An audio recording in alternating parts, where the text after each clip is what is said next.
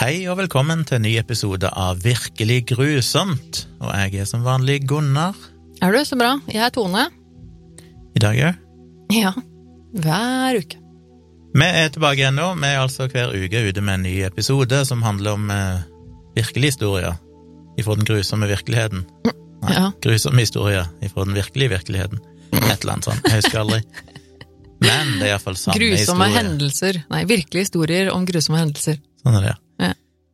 Det er iallfall eh, historier som er skjedd, virkelige historier, men som er grusomme, og hvis du har noen tips, dere, om grusomme historier, vi får stadig vekk noen små tips som drypper inn i mailboksen, Ja. og mailboksen eh, finner du på eh, virkeliggrusomt at gmail.com, så det er ganske enkelt. Ja, og det er veldig ålreit. I, i, I denne uka, så I denne uka, i denne episoden, uh, ukas episode, er det jeg som skal eh, fortelle en historie til deg, Gunnar, som du forhåpentligvis da ikke har hørt før. Er det basert på et tips? Og det er faktisk basert på et eh, lyttertips. Oi. Mhm. Ok, interessant. Eh, Så jeg tok rett og slett til inspirasjon og så gjennom noen av de tipsene vi har fått inn fra dere lyttere der ute, og så valgte jeg meg et av de og ja, skal rett og slett fortelle det om det i dag. Da er jeg klar med Ja, en kopp kaffe og eh, Ja, mikrofon i trynet. Ja. um, vi har jo, eh, de fleste av oss i hvert fall, har jo hørt om um, historiske hendelser som er grusomme, gjerne om disse for eksempel konsentrasjonsleire og sånne ting fra krigen, som ikke er så veldig hyggelige. Men dette er en litt uh, ny vri, da, på en måte. Eh, har du, eh, Gunnar, har du sett eh, filmen Battle Royale? Det er godt du sa navnet mitt, for ellers kunne det være noen andre her inne du henvendte deg til. Don't give me that face. I, uh, eh, Har du sett eh, Battle Royale? Har jeg det? Jeg var helt sikker på at du kom til å si ja, den har jeg sett. Har du, har, har du ikke sett den filmen? jeg tror jeg har sett den. Det er jo en fantastisk film, jeg elsker jo den filmen. Eh, og for dere der ute som vet, eh, som har sett den, så vet dere jo hva jeg sikter til. Og for dere som ikke har sett den filmen, så eh, kanskje dere har litt lyst til å se den filmen etter dagens episode, hvis dere finner den litt interessant. Det er noen likhetstrekk her, i hvert fall. Um, men vi skal nå til, ikke til Japan, som er i, i Battle Royale, men vi skal til Russland. Og året er 1933. På dette tidspunktet er det jo Josef Stalin da, som eh, har makten i, i Russland, eller i Sovjetunionen, og dette han eh, Vi husker vel alle han hyggelige karen eh, der borte. Det er en stund siden, altså 1933, og dette året ble det bestemt at man skulle prøve å, å kvitte seg med litt sånn rusk og rask folk i, i de store byene, da. Folk som eh, de ikke syntes at passet inn i moderne, store byer, eh, som da var bønder, eh, eller det var småkriminelle, handelsmenn, eller bare litt sånn nedrangerte mennesker, for å si det sånn, da. Herlig utgangspunkt for uh, politikk. Ja, kjempebra. Um, og det, det de brukte da som utgangspunkt for å skille folk her, det var jo de, uh, em, de folka som ikke hadde fått utstedt innenrikspass. Uh, for det var noe de fikk utstedt, utstedt på denne tiden. Um, og så tenkte de at ja, men da, da er det For det var vel noen regler da, etter hvem som, hvem som fikk de passene, eller hvem som fikk dem først, eller de som hadde råd til å få dem, eller et eller annet. Jeg er ikke helt- sikker på det, men uansett. Så eh, var det i hvert fall slik de skulle skille på dem. Og det var jo eh, ganske, ganske trygt å si at det ikke var helt idiotsikkert. Um, men det var vel bra nok for dem, da. Eh, og de, de folka her, de eh, ble bare sveipet opp, de, og tatt med til politistasjonen. Eh, uten mulighet for å egentlig melde fra til eh, familien sin i det hele tatt. Så det ble jo da rapportert om alle mulige folk som bare plutselig ble pågrepet og ble borte. Blant annet en eh, ung jente som skulle liksom handle noe for moren sin, da, som plutselig bare hadde forsvunnet, for hun hadde ikke noe pass på seg. Eh, sammen med en eh, gravid dame som eh, ikke hadde noe pass, som de som visstnok hadde passet på seg, blir det sagt etterpå, da, men nei, de bare hadde funnet ut at hun skulle vi ta med oss. Så hun hadde blitt bare tatt med seg, og likeens masse andre personer ble jo vitnesbyrd om, om dette rundt omkring, at det var en arbeider som sto og skulle ta seg en røyk utafor jobben, plutselig ble han pågrepet og dratt med seg. Altså det, det var eh, Ja, de tok litt de de følte for, kanskje. Um, både folk med og uten pass, da, men i utgangspunktet da folk som var ja, litt sånn eh, ruskete i gåsehudene. Folk som på en måte ikke var helt Som passet inn i denne arbeiderklassen de hadde lyst til å ha da, i disse mm, storbyene i den tiden. Um, så dette var da i mai eh, 1933. Det var snakk om da, eh, så vidt jeg skjønte da, det jeg har lest nå, så var det snakk om da rundt eh, 25 000 mennesker. Det er ganske mange folk. Um, som ble rusket opp da, eh, de, i storbyene, som, stort sett i storbyene. De, og de ble ikke værende på politistasjonene så veldig lenge, før de da ble eh, stappa inn i tog eh, som skulle ta dem med på en flere dagers tur ut til eh, Vest-Sibir, til et område der som heter Tomsk. Eh, hvor da dette var eh, del av Stalins nye, nyeste idé til et prosjekt som de kalte for spesialcamp, eller spesial liksom, bosettingskolonier, da. Eh, Og det var mange av slike typer kolonier eller leirer, eller hva man skal kalle det, eh, ute i Tomsk-området eh, i Sibir. Eh, Men noen av de stakkars folka her, da, havnet på en liten øy i Obelven, som het Nasinoøya. Og det er den vi skal snakke om i dag. De hendelsene som, eh, som foretok seg på denne øya, Mm. som het Nazino. Du har ikke hørt om den før? Nei, ikke annet enn at jeg òg så den mailen som kom med tipset, så jeg har hørt navnet i dag. Ja. Og ikke noe det, det sto jo ikke så mye i den mailen vi fikk. Takk for det, forresten, til eh, lyttere som sendte inn den eh, mailen. Eh, Det, det sto jo rett og slett bare 'sjekk ut Nazino-tragedien', Eh, så det gjorde jeg. Og så ble det den vi snakket om i dag. Eh, Og da eh, Ja, så Men, men helvete for disse stakkars menneskene. eh, De begynte, det begynte allerede på togturen. Um, og de fikk, de fikk 200-300 gram brød om dagen per person, sto det. Mm. 200-300 gram brød, det er ikke veldig mye. På en hel dag, da. På én person. Nei, det kommer litt an på brødet, men uh, ei brødskive er vel sånn 50-60 gram. Så Ja, seks jo brødskiver på en dag, kanskje. Fem, fem brødskiver, maks. ja, på en dag. Eh, men det var jo en del eh, kriminelle folk eh, som, og gjenger som, på disse togene som stjal mat og klær. Og mange døde, eller ble veldig syke, faktisk allerede på togturen. Jeg vil nesten si at de som døde på togturen, var de heldige av disse menneskene. For de skulle ikke Skjebnen her skulle ikke bli så mye bedre, holdt jeg på å si. Eh, fra Tomsk. De altså, kjørte da tog inn til eh, området i Sibir som heter Tomsk. Og der, eh, fra Tomsk, ble 6000 mennesker sendt via flåter over til denne Nazino-øya. 6000 mennesker, altså. Mm. Det er mye mennesker. Eh, hvor en tredjedel av dem, av de deporterte, var kriminelle som hadde blitt sendt for å rett og slett lette på trykket i de lokale fengslene. Det var vakter og uh, myndigheter da, som var ansatt for å holde styr på i disse koloniene, uh, men de var nyansatte folk og hadde veldig lite erfaring og fikk uh, ikke sendt med seg noe særlig med verktøy eller ressurser. Og det eneste som ble sendt med de deporterte over til øya, var 200 gram brød per person og 40, nei, 20 tonn med mel. Altså ca. 4 kilo mel per person.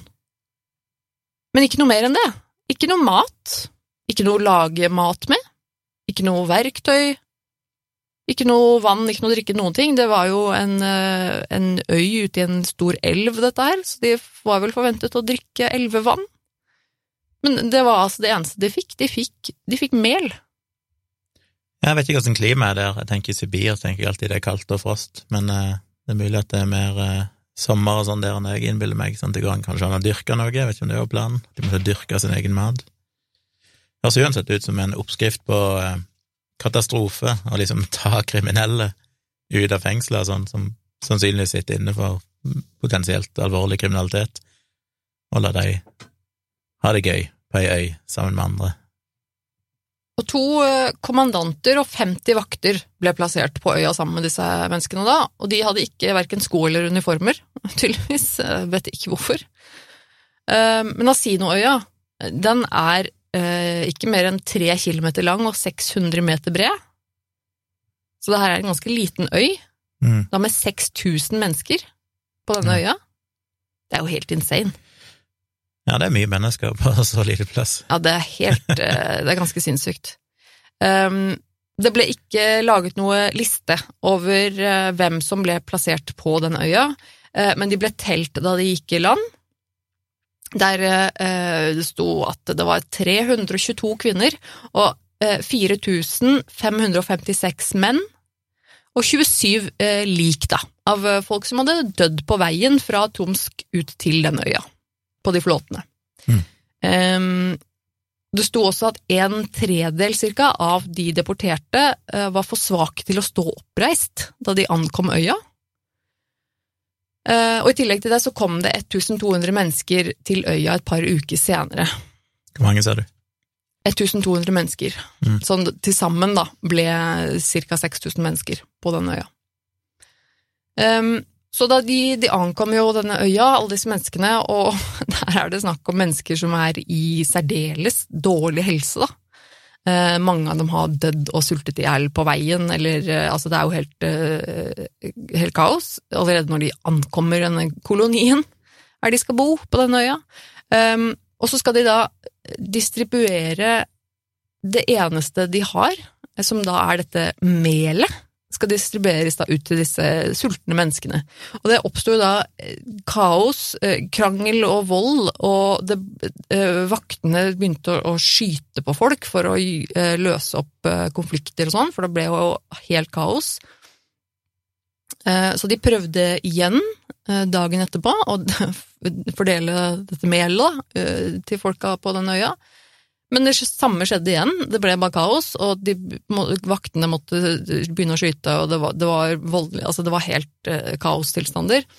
Og så eh, ble de til slutt eh, oppdelt i brigader, eh, hvor da representanter skulle komme og få mel eh, til og det, så dele ut til sin brigade, liksom, da.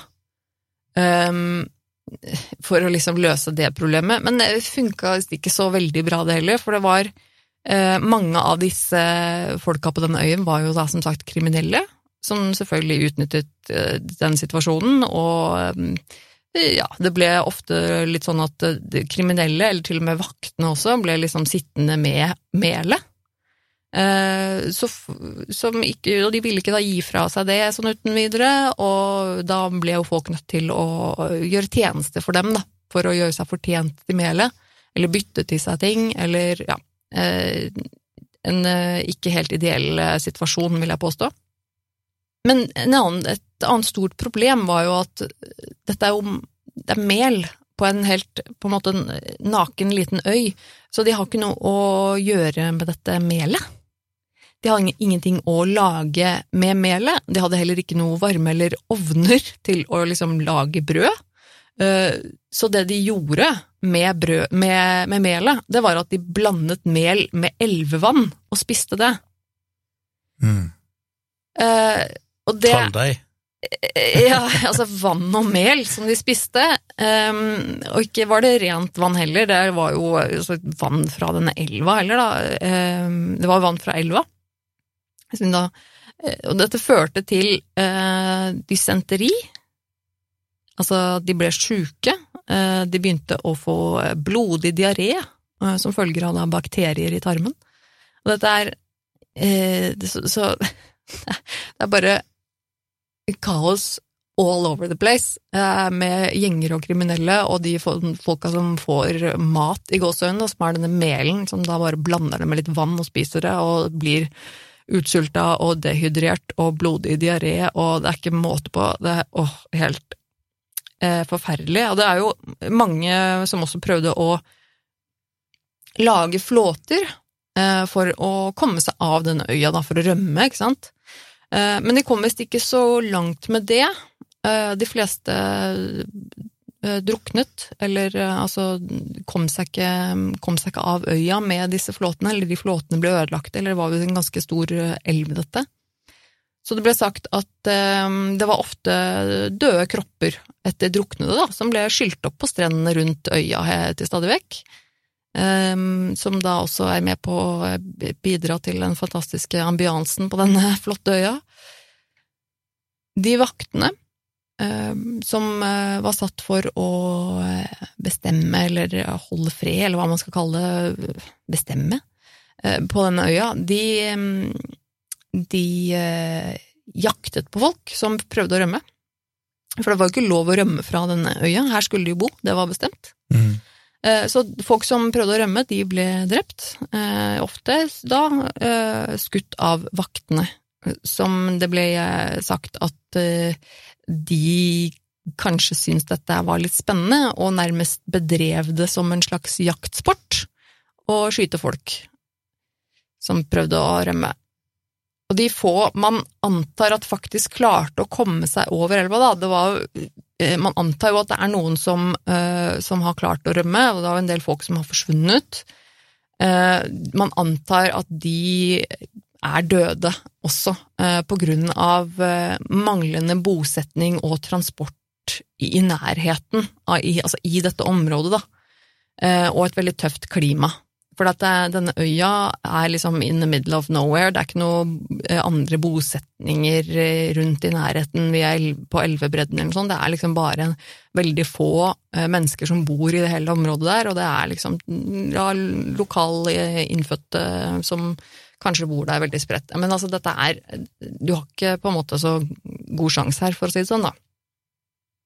Men kort tid etter at dette øysamfunnet da, ble etablert, så fant eh, Stalin ut at han likevel syntes at hele denne greia var en ganske dårlig idé.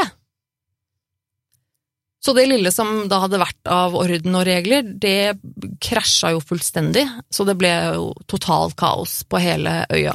De fleste som var på øya, de kom fra byer og tettsteder, og de hadde ikke noe peiling på hvordan å overleve i naturen, for dette her var jo en helt naken øy.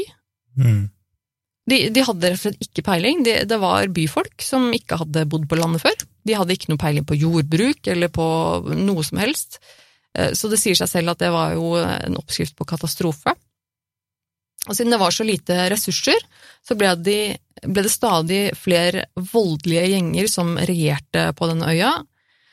Folk ble stadig drept for mat eller verdifulle gjenstander, eh, som da kunne byttes, som for eksempel hvis det var noen som hadde litt penger på seg, så ble de ofte eh, ranet eller drept, og folk som kanskje hadde gulltenner, for eksempel. Eh, De ble jo da ofte drept eh, for da at de skulle eh, stjele disse små, få verdisakene da, som fantes på øya, så de kunne bytte til seg ja, ting, da. Mm. Og vaktene var jo som sagt også en del av dette her, og eh, fortsatte med å bare eh, straffe og drepe folk eh, for hver minste lille feil de gjorde i vaktenes øyne, da. Um, og mangelen på mat etter hvert førte jo også til kannibalisme. Det var jo helt desperate tilstander for de stakkars menneskene som var tvunget til å være på denne øya. Um, så det ble etter hvert ganske vanlig å myrde folk bare for å spise dem. Altså rett og slett bare drepe hverandre for å få i seg mat. Og det var et øyenvitne som fortalte Folk døde overalt og drepte hverandre. En av vaktene på øya, en ung fyr som het Kostia Vernikov, nei, Venikov, han forelsket seg i en jente som hadde blitt sendt dit, han passet på henne. En dag måtte han forlate henne for en stund, og sa til en av kameratene sine at han skulle passe på henne. Men med alle de menneskene som var der, så var det ikke så mye han kameraten kunne gjøre, egentlig. Så folk fanget jenta, de bandt henne til et tre, kuttet av henne brystene, kuttet av henne musklene hennes, alt som kunne spises ble skjært vekk, alt sammen. De var sultne, og de var nødt til å spise. Og da Kostia kom tilbake, var hun fortsatt i live. Han prøvde å redde henne, men hun hadde mistet for mye blod. Kunne var barmhjertig nok til å bare drepe henne først? Ja, og det er jo noen av de overlevende også som har fortalt eh, at, at, det var litt sånn det var, eh, som på en måte da drepte folk eh, både for å få mat, men som også da valgte seg ut altså folk som var halvdøde, da, og tenkte at ja, ja, men det, det er det mest barmhjertige tingen å gjøre, er nå at jeg bare dreper vedkommende, og så har jeg mat i tillegg. Mm. og det er jo helt um, helt sinnssykt å tenke seg en sånn situasjon. Og det er jo andre Og så var det en uh, vitneforklaring også, en dame uh, av de få uh, innfødte da, som faktisk bodde i området, som, sa, som hadde fortalt at det var eh, en dame, da, en overlevende fra øya, som hadde kommet til huset deres hvor hun hadde fått overnatte og sånn, og så hadde hun da eh, våknet opp dagen etter, og så hadde hun eh, så hadde, de sett beina hennes, eh, hvor da leggene, altså hele leggene var skjært av. Hvor hun da forklarte at ja, det hadde skjedd ute på den øya, de hadde da holdt henne fast og skjært av henne leggene for å steke den, eller liksom for å spise leggene hennes. For det var altså så desperate tilstander. Det er jo Altså, å bli skjært av lemmer mens du fortsatt er i live, liksom. Det er jo helt, det er jo helt sinnssykt. Ja. Um, dette her varte vel en måneds tid, uh, og den grusomme situasjonen på Nasinoøya ble endelig satt en stopper for i juni, da i 1933. Altså måneden etterpå. Dette skjedde jo i løpet av mai. Så i juni så, så, ble det gjort noen inngrep her, og, og det stoppet denne kolonien, da. Uh, og da var det 2856 overlevende som ble fraktet vekk fra øya. Og 157, eh, 157 ble forlatt der eh, da deres helsesituasjon var så dårlig at de ikke lot seg flytte på. Det høres jo helt for jævlig ut. Men det betyr jo at eh, nesten 4000 daua. 3000-4000. Skulle nesten tro det var mer enn nok mat til de da. Må ha vært florert med lik der ute de kunne spist. Ja, men jeg mener altså, de, de 157 da, som var igjen, de ble forlatt fordi at de var så sjuke. Ja. At de, de, det var ikke noe vits å flytte på dem, altså de kunne ikke flyttes på. Altså De ble jo bare, egentlig bare forlatt der for å dø, da. Det er jo helt må, altså... Jo, jo, men hvis de regner med, men hvis det var samme strabasiøse turen tilbake igjen, der til og med folk som i utgangspunktet var friske daua, så hadde de ja. uansett ikke overlevd turen. Så de Nei, de hadde jo ikke det. What's the point? Ja. Det, det, men det sier jo ganske mye, da, at de faktisk bare lot uh, over 150 mennesker bare ligge igjen, liksom. Mm. Um, og de menneskene da som ble tatt av øya, de 2856 eh, menneskene, de ble distribuert til andre nærliggende kolonier. For det var jo flere kolonier i dette Tomsk-området.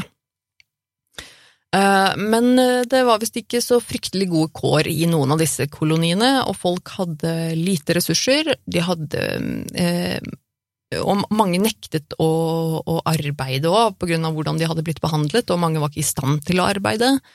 Og mange ja, var for syke da, til å jobbe, og i tillegg til det så ble det et ut, utbrudd av tyfus, som tok livet av veldig mange mennesker. Senere så uh, dukket det opp en uh, For dette her, alt dette her har egentlig stort sett vært hemmeligholdt uh, fram til slutten av 80-tallet. Uh, altså 1980 et eller annet. og da det ble senere da dukket opp en, en rapport som hadde blitt sendt til Stalin angående denne øyen, da, hvor det ble beskrevet 6114 utdaterte elementer, ankom øya i mai 1933, og minst 27 personer døde på ferden over. Det fantes ikke noe ly på øya, det snødde den første natta, og ingen mat ble distribuert på fire dager. På første dag ble 295 mennesker begravet. Av totalt da eh, 6700 eh, som var blitt sendt til øya, så var det altså 2000 som overlevde, hvor halvparten var syke og sengeliggende, og ca. 200-300 var fysisk kapable til å jobbe i det hele tatt. Så det Ja, så av da ja, totalt 6700 mennesker, så var det ca. 2000 som overlevde. Mm. Noen av vaktene fra øya da, hadde visst eh, nekta for denne hendelsen, eller nekta for det som sto i en rapporten, sånn, men de eh, hadde fått reprimande, og fikk, eh, noen av dem fikk fengselsstraff. Det sto fra én til tre år. Det var jo ikke så mye, syns jeg, men um, Og etter, etter, det her ble det på en måte bekreftet da, for eh, ledelsen um, i Sovjet at um, altså disse kolonigreiene kanskje ikke var den lureste ideen. Uh, og de fant ut at det å samle litt sånn lavrangs gåseøyne folk og kriminelle i slike kolonier, uh, det var nok ikke noe de skulle fortsette med. Nei, jeg lurer på, jeg skulle likt å være flue på veggen på det møtet der de fant ut de skulle gjøre dette. Det kan ikke være veldig godt gjennomtenkt. Jeg lurer på liksom, ja, vi sender litt over 6000 mennesker til ei lita øy uten mat. Høres ut som en god plan. Og det er liksom, De bare antok at ja, ja, men det går nok bra, de klarer vel å overleve på et eller annet vis. Vi gir dem litt mel. Altså, jeg hadde skjønt det hvis målet deres var at uh, we don't care om de dauer, så er det greit for oss, poenget er bare å bli kvitt dem. Men det høres jo nesten ut som at det egentlig ikke var poenget engang. Jeg hadde en eller annen grunn en naiv idé om at dette faktisk skulle fungere på et eller annet vis. Ja, det, det virka sånn. Altså, det jeg har lest, altså, hadde de jo det virka som de under da i Sovjetunionen så hadde de flere sånne sånn eh, prosjekter da, av sånne eh, hvor de på en måte flytta, tvangsflyttet folk. For å liksom Ja, det var en kjent sak, det, med i Sovjet var det sånne klassiske arbeidsleirene, eller hva de kalte de, der Gulasch. politiske dissidenter Nei, og sånn. Ja, det blir sendt til forskjellige plasser for liksom Ja. jobbe, som var vel basically en slags eh, konsentrasjonsleir omtrent i Ja. en del år, og så av og til kom de tilbake igjen, men ofte ikke. Ja, Og det, det, det virka jo som om de i utgangspunktet hadde en slags tanke om at det at det, at det skulle gå bra, at det var at altså det, I dette tilfellet, da, at det, sånn som jeg leste det, så virker det som de ble sendt til Sibir for på sånne denne eh, bokolonien, liksom, for å arbeide der, men for, helst for å på en måte bare bli kvitt dem ut av byene Mm. for at de ikke skulle synes, for at det ikke skulle være et problem der lenger. Eh, men sånn Og så ble det jo da ansatt vakter og sånn for å på en måte holde styr på dette her, ikke sant, og det, det virker som om det egentlig var en plan som de tenkte at at skulle fungere, da, men at, men at det, eh, det ikke var så veldig godt gjennomtenkt.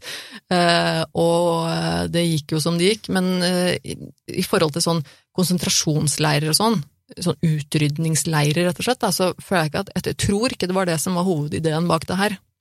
Nei, det virker jo ikke sånn siden de faktisk avvikla dette en måned, og faktisk noen ble straffa for det. Ja, så de, de skjønte jo at dette det funka litt dårlig etter en liten stund, og de ble jo, selv om de på en måte da avviklet denne, dette bofellesskapet på den øya, så ble det jo ble det jo egentlig bare flyttet til andre eh, områder i nærheten, med andre kolonier. Men det er så mye som feiler. Jeg mener 6000 mennesker på ei lita øy, og det ikke var noe bebyggelse, så da skulle de òg i løpet av kort tid på en eller annen måte klare å bygge seg hus, hele gjengen. Men det er helt uh, merkelig. Var det nok skog, var det noe tømmer? Altså, det høres Nei, jo bare ut som det var jeg tror ikke det var mye av noen ting, på en måte. Eller det var Nei, sikkert ikke noe sånn skog og sånn, eh, men, men det er jo ikke Jeg, jeg syns også det er vanskelig å forstå at dette skal være gjennomtenkt på noen som helst måte. Hva slags idé Nei, Innledningsvis så tenkte jeg at planen var at de skulle bare daue, det hadde liksom vært det hadde vært greit nok, holdt jeg på å si, det hadde bare vært en sinna plan. Ja. Men hvis de faktisk hadde en slags optimistisk plan om dette, så virker det jo fascinerende dårlig gjennomtenkt. Men jeg tenker jo at de, de kan jo ikke ha brydd seg veldig mye. Nei, det Altså, det, det, det må jo åpenbart ha vært litt sånn her, ja ja, men altså Jeg regner det ikke med de skulle sende det greit, der men- de skulle leve godt og sånn, det Nei, regner jeg ikke ikke med. sant. Men allikevel at det var så lite gjennomtenkt. Ja, for, nei, for det var, eh, det var ikke noe eh, bebyggelse, ingenting. Det var ikke noe lyd. Det var liksom Men det interessante er jo selvfølgelig å se på hvordan mennesker oppfører seg i desperate situasjoner. Ja.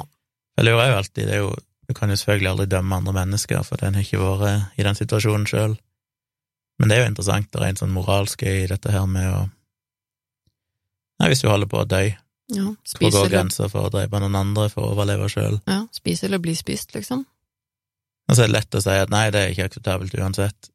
Men så er det alle sånne her grenseområdene da med ja, ok, da, men hvis det er en mann der som er 80 år og sjuk, og du er der med to unge personer som faktisk har et liv foran seg, er det fortsatt uetisk å ta livet av denne mannen hvis du vet at det står om at enten så dør han eller hun, eller så dør du og dine unger? Det er sånn, det er ikke enkle valg å ta. Nei. Og det er litt sånn andre ting vi var inne på også med de altså, Det å eh, drepe et menneske som allerede er syk og svak, da, for å spise det, liksom. Nærmest i barmhjertighet. Jeg kan tenke meg at det i mange tilfeller så var det sikkert ganske At det stemte sikkert ganske godt, da. Altså de menneskene som var så syke og dårlige, de hadde dødd uansett, og da var det sikkert kanskje bedre at de faktisk ble drept. Så man vil anta at gjerne en betydelig del av de var folk som var innsatt i fengsel og sånn òg. Så er det folk som ja, jeg levde ute i vinternatt før, alt jeg si, som kanskje har en litt annet forhold til liv, Mm. men ikke minst at det sikkert var en del psykisk syke, og ikke nødvendigvis alle var ved sine fulle fem heller. Nei, det var nok ja. Jeg vil tippe i den tid at hvis du hadde et eller annet alvorlig psykisk problem, så ble ikke akkurat det diagnostisert, og du ble vel basically bare sett på som kriminell eller ja. dum eller avviker eller et eller annet, og jeg sikkert ikke hatt det beste livet, for å si det mildt. ja, nei, eller bare i hvert fall mindre verdig. Altså, det blir jo et, et, lavrangsmenneske, liksom. Det var sikkert mordere blant de òg, som sikkert ikke kosta så veldig mye å ta liv, men det er lett å tenke sånn for min egen del, så hadde jeg heller sulta i hjel enn å liksom ta livet av noen andre. Men det er jo fordi at jeg ikke var i den situasjonen, jeg gudene vet hvordan jeg hadde reagert. Men en helt annen ting er jo at hvis du da føler deg ansvarlig for noen andre, da handler det ikke om deg lenger, men det handler om kan du ta livet til en eller annen potensiell bastard som er gammel, og som kanskje har voldtatt ei ung jente der, for å kunne gi mat til noen andre som er uskyldig. Altså det er alle de her eh, Ja. Hvordan rangerer du menneskeverd? Men jeg tror ikke at eh, du skal være fryktelig eh, jeg, jeg, jeg tror det Jeg tror ikke det skal Jeg tror de fleste av oss, egentlig, eh, fort kunne havnet i en situasjon ved å bli kannibaler hvis du blir desperat nok. Det er jo mange hendelser opp gjennom historien hvor vi har sett bevis på det, ikke bare fra Nei. liksom ikke bare fra eh, hva heter det, tribes, altså eh, stammekultur og sånn, som også har eh, praktisert kannibalisme, men også i, ved ulykker, da, altså flystyrt og andre ting Ja. hvor folk har blitt sittende fast, øde, og ikke hatt noe annet valg da, enn å faktisk spise hverandre. Men da er det jo ikke drept hverandre i de Altså, det har sikkert skjedd òg, da. Sånn som i mange tilfeller så er det jo vært likt, og da er det mer spørsmål om kan du spise mennesker. Det Ja. er ett spørsmål. Et helt annet spørsmål er jo kan du drepe et menneske for å spise det. Ja, for jeg tenker jo også at eh, jeg, hvis det hadde vært meg da, i en sånn situasjon, hvis jeg hadde vært stranda, og en person hadde dødd, og vi ikke hadde noe mat, så hadde jeg tenkt ja, selvfølgelig, jeg hadde jo lett hadde jo lett spist det mennesket som var dødt, for Ja. å overleve selv. Ikke sant? Og det tenker jeg de fleste også hadde sagt at ja, ja, men det mennesket er dødt uansett. Men det er Mhm. akkurat det, da. Og ville du drept noen andre for å overleve selv? Og, det, og jeg tenker jo at blir du desperat nok, så tror jeg ikke du skal være i utgangspunktet kriminell eller gæren for å gjøre det, altså. Nei, og igjen så tror jeg en del kanskje heller ville dødd enn å drept noen hvis det bare gjaldt de sjøl.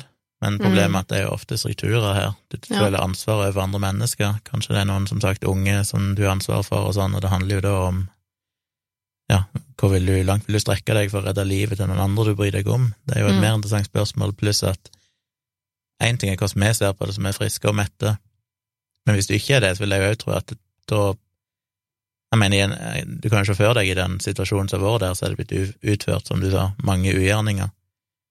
Så du vil jo sannsynligvis ha ganske mange mennesker der du tenker dette her er jo en drittsekk, og jeg Mm. har sett denne personen gjort forferdelige ting mot andre. Denne personen har ikke så veldig dårlig samvittighet for å skal dø. Mm. Det er ikke som at det er 6000 likestilte mennesker der alle er eksemplariske borgere, liksom.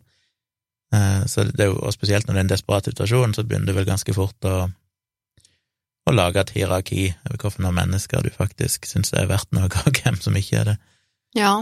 på en helt annen måte, mer dramatisk måte enn du gjør når du er, er det godt. Og her også, som jeg fikk høre da, på den øyen her, så var det jo ble det jo fort etablert på en måte gjenger, og de vaktene som var der, de var jo De satt jo tydeligvis ikke så godt i det, de heller, ikke sant. De hadde jo tydeligvis blitt utplassert der uten egentlig noe særlig ressurser selv. Mm. Og selvfølgelig, naturlig nok, når det er så mye folk og så lite ressurser og mat og, og sånn, så er det jo ganske naturlig at det også former seg gjenger, ikke sant, og at folk blir voldelige, og at det, det er jo en det er overlevelse det går på.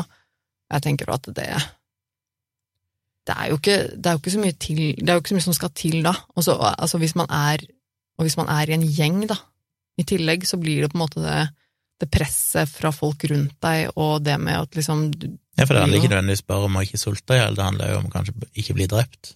Ja, ikke bli drept, men også det å Og så, blir det jo en, så blir det jo på en måte hele taktikken da, for å kunne overleve, og du skal ikke bare leve til i morgen, det er jo meningen at du skal på en måte leve her forever. Altså i utgangspunktet så, så vet du ikke om du noen gang kommer deg unna den øya, ikke sant. Det er jo Mm. Det var meningen at du skulle bo der, og du, så vidt du vet når du er på den øya, så er det ingen som kommer og redder deg, ikke sant. Det er jo Så, så det er jo litt sånn Det blir så mange lag, da, til hva, hvilke strategier man gjør seg for å overleve, og hvem skal man også, Og det å, som du sier, å passe på andre, kanskje det er folk der du er, er avhengig av, eller noen du er glad i, eller jeg mener, det er jo interessant det der vi snakket om litt tidligere. Det, jo, det kan jo virke som at det var en desperasjon som gjorde at de ikke nødvendigvis hadde lyst til å ta liv, en del av de, men de var desperate nok til å skjære av liksom leggmusklene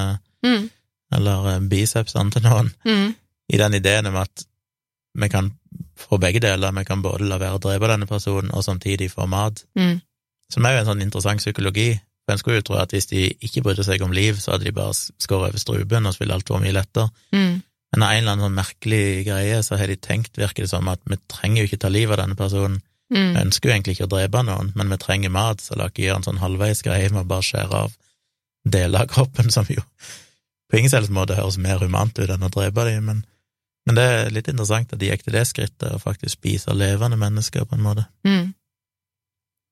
Det sier jo litt om hvor desperat eh, man blir, da. Ja, hvor desperat du er, men samtidig at du ikke vil gå over den terskelen og drepe noen, du vil ikke Ja. ta det ansvaret. Jeg syns nesten det er uh, mer creepy. Ja, det er mer enn... creepy og mer interessant. Hvis du bare drepte noen for å spise dem, så er det jo ok, greit. Ja, og de gjorde jo det òg, Ja. men det er liksom noe med Det det som sier at de Det er sikkert forskjellige mennesker. da. Noen av de har kanskje ikke hatt muligheten for å ta liv, men de har kanskje et barn eller et eller annet sånt. De trenger Mm. å gi mat, og så er det sånn, ok, la ikke binde fast denne personen og skjære av beina, så har vi iallfall noe mat. mm.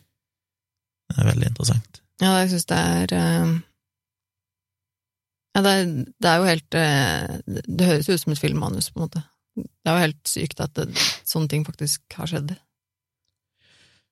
Og Ja. du ser jo på en måte helt fra starten hvor det går hen, når du tar så mange mennesker, samler dem på en, eh, en øy uten ressurser, og det eneste de har er mel. Altså, det, hva er det du tror kommer til å skje? Det er på en måte helt hinsides for meg, da. Det jeg tenker liksom sånn, herregud, hva Men det er så sinnssykt lite område, jeg klarer ikke å komme over det. Tre kilometer og 600 meter bredt. mm. Det er jo ingenting. En liten øy. Ja, ja det er helt eh, Ja. Ja, det er helt latterlig. Det er jo eh, knapt et par kvadratkilometer. Nei, jeg, jeg blir helt sånn Men hva er det du tror at kommer til å skje, liksom? Hva er det, hva er det du tror at kommer til å skje i en sånn situasjon, når du tar alle disse menneskene her i en så desperat situasjon og bare plasserer dem på en bitte liten øy? Altså, du må jo virkelig, virkelig ikke bry deg om disse menneskene, liksom, for å gjøre noe sånt mot dem, da. Jeg lurer jo på hvordan politikken i det har vært, for det er klart at det kan komme, det er jo så mange lag der òg, det kan jo være det kommer en ordre fra øverste hold at vi har en plan om at vi trenger å rydde ut av byene, og så høres den planen grei ut, for det er sånn, ja, ideelt sett så skal vi da bare flytte de ut i sånne leirer, og vi da bare omplassere de, Men så lenger nede i systemet så mangler de ressurser, så mangler de ja, valgmuligheter til å få gjennomført, men de vet de må gjennomføre det, fordi at ellers blir de straffa når en øver de. Så blir det bare mer og mer desperat jo lenger ned i rangsordenen du kommer. Sånn at det er ikke sikkert det er noen sammenheng direkte mellom de på toppen som bestemte dette, og det endelige konsekvensen av det. Det kan være tatt av noen som var desperate sjøl fordi de hadde fått et pålegg om at dette måtte de gjøre, men de hadde ikke fått ressursene til det. Mm. Og det er sånn du får, det er det som gjør at mange av de her handlingene som ofte blir tillagt en eller annen på toppen, en glemmer ofte at det sannsynligvis er flere ledd og flere lag med desperasjon, Ja. og flere ledd det har svikta i, Ja. sånn at det er ikke nødvendig at de på toppen nødvendigvis visste hva dette kom til å føre til, for det var ikke det som var deres ambisjon, at dette skulle skje, ikke at de prøver å hvitvaske eh, Stalin, Stalin. Men, eh, men liksom det er et eller annet med det der, da. Ja, helt klart. Men det er jo også det, det var en litt sånn fascinerende tankegang for meg, det der. At du eh, sitter på toppen og på en måte kan ha en sånn løs idé, og, og så på en måte bare ikke se realiteten eller konsekvensene, eller ikke Nei, det er bare Men det Ja. var gjennomgående i sånne diktaturer, ikke sant? Absolutt, ja, At ja. eh, det blir aldri bra når de som er under deg, frykter alvorlige konsekvenser. For da blir det ansvarsfraskrivelse, og det blir eh, Ja, folk gjør ting som er veldig, veldig dumme og farlige fordi at de vil redde sitt eget skinn. Det å ikke ha liksom en sånn åpen Hva skal du kalle det? En måte iallfall å En rettferdig måte å kommunisere opp og nedover i rangstigen. Det fører jo alltid til forferdelige ting. Det er litt sånn som Nei, Hiroshima, sier jeg, men um, eh, Den serien. Uh, Herregud, hva skal jeg Hvilken? hva skal det an å ikke huske navnet på den største atomkatastrofen som har vært? Å ja, du tenker på den eh, den, Å herregud, nå står det helt stille for meg. Ja. Hva skal det an? Uh, Jeg tenker, jeg kom bare på Pripjat, den eh, byen som lå i nærheten. Tsjernobyl. Tsjernobyl, herregud. Tsjernobyl. Nå er det som blir avdekka der òg. Og vi har sett det i mindre skala òg. Helt nede på norske kommuner. Jeg kunne nevnt eh, eksempler på hvordan det gjør seg igjen. Mm. At det, det fører til mye, mye fælt. Uten sammenligning for øvrig, men eh, Hva tenker du om uh, grusomhetsskalaen? Uh, Nei, det er det evige problemet med den grusomhetsskalaen. Det er liksom hva, En ting er hva det får meg til å føle, en annen ting er hva det sånn objektivt sett faktisk var. Det er jo en sånn veldig indirekte grusomhet ifra de som var ansvarlige. For de gikk jo ikke ut og drepte folk og skadet i sånn. Det var på en måte konsekvensen av forferdelige avgjørelser Mm. som gjorde at menneskene sjøl, de som var sjøl en del av det, Mm. endte opp med å være grusomme med hverandre. Og det blir litt sånn abstrakt igjen, da, for det er jo ikke enkelte personer du kan knytte det til. Nei, men tenk på på en måte hendelsene på denne øya, da. Hvordan det var for de menneskene som faktisk ble plassert der. Ja, nei, det må jo ha vært eh, bortimot så ille som det kan bli. Ja. Ikke så ille som å sitte fast i en hulegang, Nei, du mener det, ja? selv om det egentlig er det, da, men eh, Nei, det er kanskje Hva skal en si? Jeg syns det er så vanskelig. Mm, Det er så ja, det er det. Men ok, sånn totalen av hvor mye grusomt som skjedde, det var folk som ble drept og skåret sånn levende og sulta i hjel og døde av sykdom, og det var en sånn månedslang tortur for 6000 mennesker. Mm. Allikevel så føler jeg at jeg kan ikke gi det mer enn grottehistorien, Oh, okay. bare fordi at den fikk meg til å føle meg så mye verre. Okay. Men det er liksom sånn, ja, vi kunne jo tatt eh, konsentrasjonsleirer under andre verdenskrig, nazistene sine herjinger, det er jo sånn, det er vanskelig å si at ikke det er ti av ti på skalaen, det blir jo på en måte ikke mer grusomt. Mm. Og dette er jo på en måte hakket unna det. Mm. Så eh, Nei, jeg mm, Kanskje slenge ut eh, Jeg gir det åtte, da. Ja. Jeg tenkte jo noe sånt sjøl, liksom. Sju, åtte, ja, rundt der. For jeg åh, Nei, det er jo noe med den der tanken på at folk får skjært av seg lemmer i, mens de fortsatt er levende, og Nei, det er bare så mange av de skjebnene på den øya som ikke ville unnet noen. noen gang. Så det er liksom noe med den tanken der. Jeg tenker at det, det, det er eh, oppimot så grusomme skjebner som du får. Ja. Ja, det var en historie. Det var det. Da lærte dere litt eh, historie-historie. Ja. Eh, før vi avslutter, så vil jeg bare nevne at eh, meg og Tone har jo hver sin andre podkast. Vi har faktisk det, altså. Vi er vaskeekte podkastere, du og jeg. Ja, jeg har en podkast som heter Tomprat med Gunnar Kjomli, som jeg spiller inn to ganger i uka. Kommer ut på eh, hva er det, tirsdag og fredag. Kommer det nye episoder, to episoder i uka, så der snakker jeg om samfunn og politikk og ting som engasjerer meg, og vitenskap og medisin og Mm. Gjennomgående tråden er vel liksom kritisk tenking, så hvis du syns det er gøy, høre mer om vaksiner og covid-pandemien og transdebatt og alt mulig rare forskjellige ting som er aktuelle i tida, så snakker jeg litt om det, Jeg både det. hva jeg sjøl mener, og ofte prøver jeg å dykke litt ned i forskning og sånn òg, og finne ut hva vi vet om disse tingene.